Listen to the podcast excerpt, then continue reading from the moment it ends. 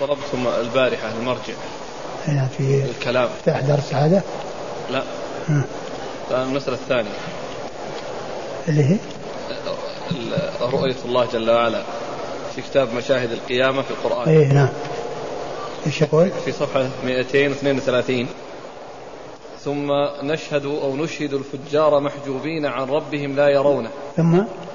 نشهد. الفجار نعم نشهد. ثم نشهد الفجار محجوبين عن ربهم لا يرونه.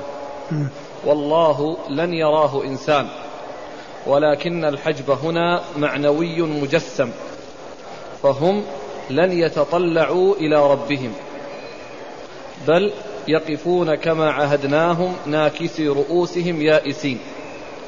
وإنهم ليحجبون عن ربهم لأنه ران على قلوبهم ما كانوا يكسبون. أكمل. نعم. ران عليها فحجبها عن الهدى وحجب عنها النور.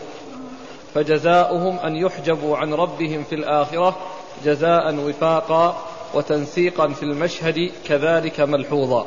لا الكلام الأول قال إيش؟ الحجم إيش معنوي؟ إيش؟ ثم نشهد الفجار محجوبين عن ربهم لا يرونه.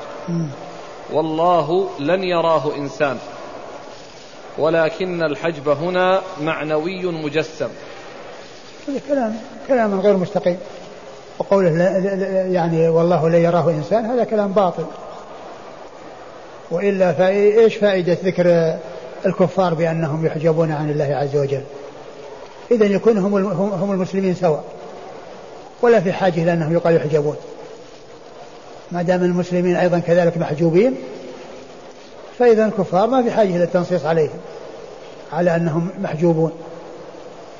كما قال الشافعي آه لما حجب هؤلاء في حال الرضا في حال السخط دل على أن أولياء الله عز وجل يرونه في حال الرضا. نعم. على كل كلمة والله لا يراه لا والله, والله لا يراه إنسان هذا كلام باطل. وهذا هو كلام كلام المعتزلة. الذي يقولون أن الله لا يرى أبدا لا في الدنيا ولا في الآخرة. نعم لا يرى في الدنيا. ولكنه في الآخرة يرى كما تواترت بذلك الأحاديث وكما جاءت بذلك النصوص. ومنها إنكم ترون ربكم كما ترون القمر ليلة البدر لا تضامون في رؤيته. والتشبيه هنا للرؤية بالرؤية لتحققها لا للمرء بالمرء. ليس تشبيها لله بالقمر.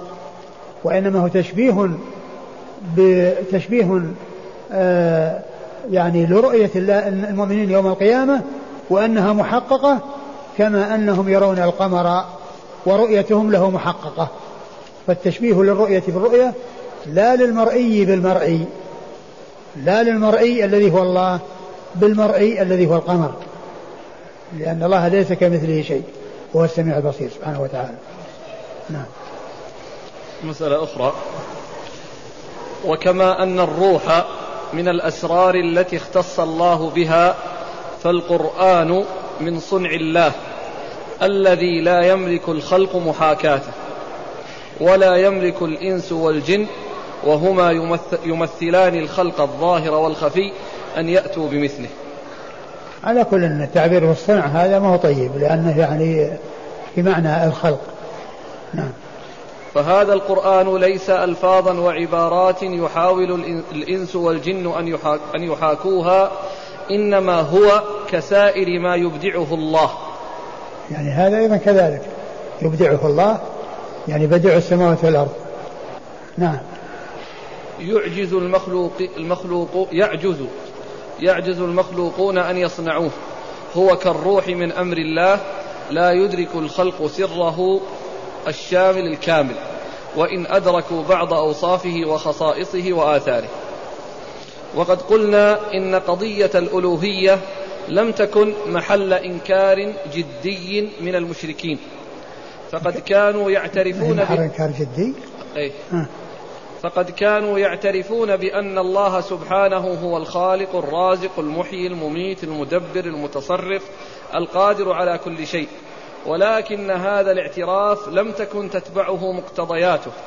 فلقد كان من مقتضى هذا الاعتراف بألوهية الله على هذا المستوى أن تكون الربوبية له وحده في حياتهم والربوبية تتمثل في الدينونة له وحده فلا يتقدمون بالشعائر التعبدية إلا له ولا يحكمون في أمرهم كل في أمرهم كله غير ولا يحكمون في أمرهم كله غيره.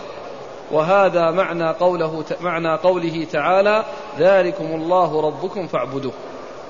فالعبادة هي العبودية وهي الدينونية أو الدينونة له وهي الاتباع والطاعة.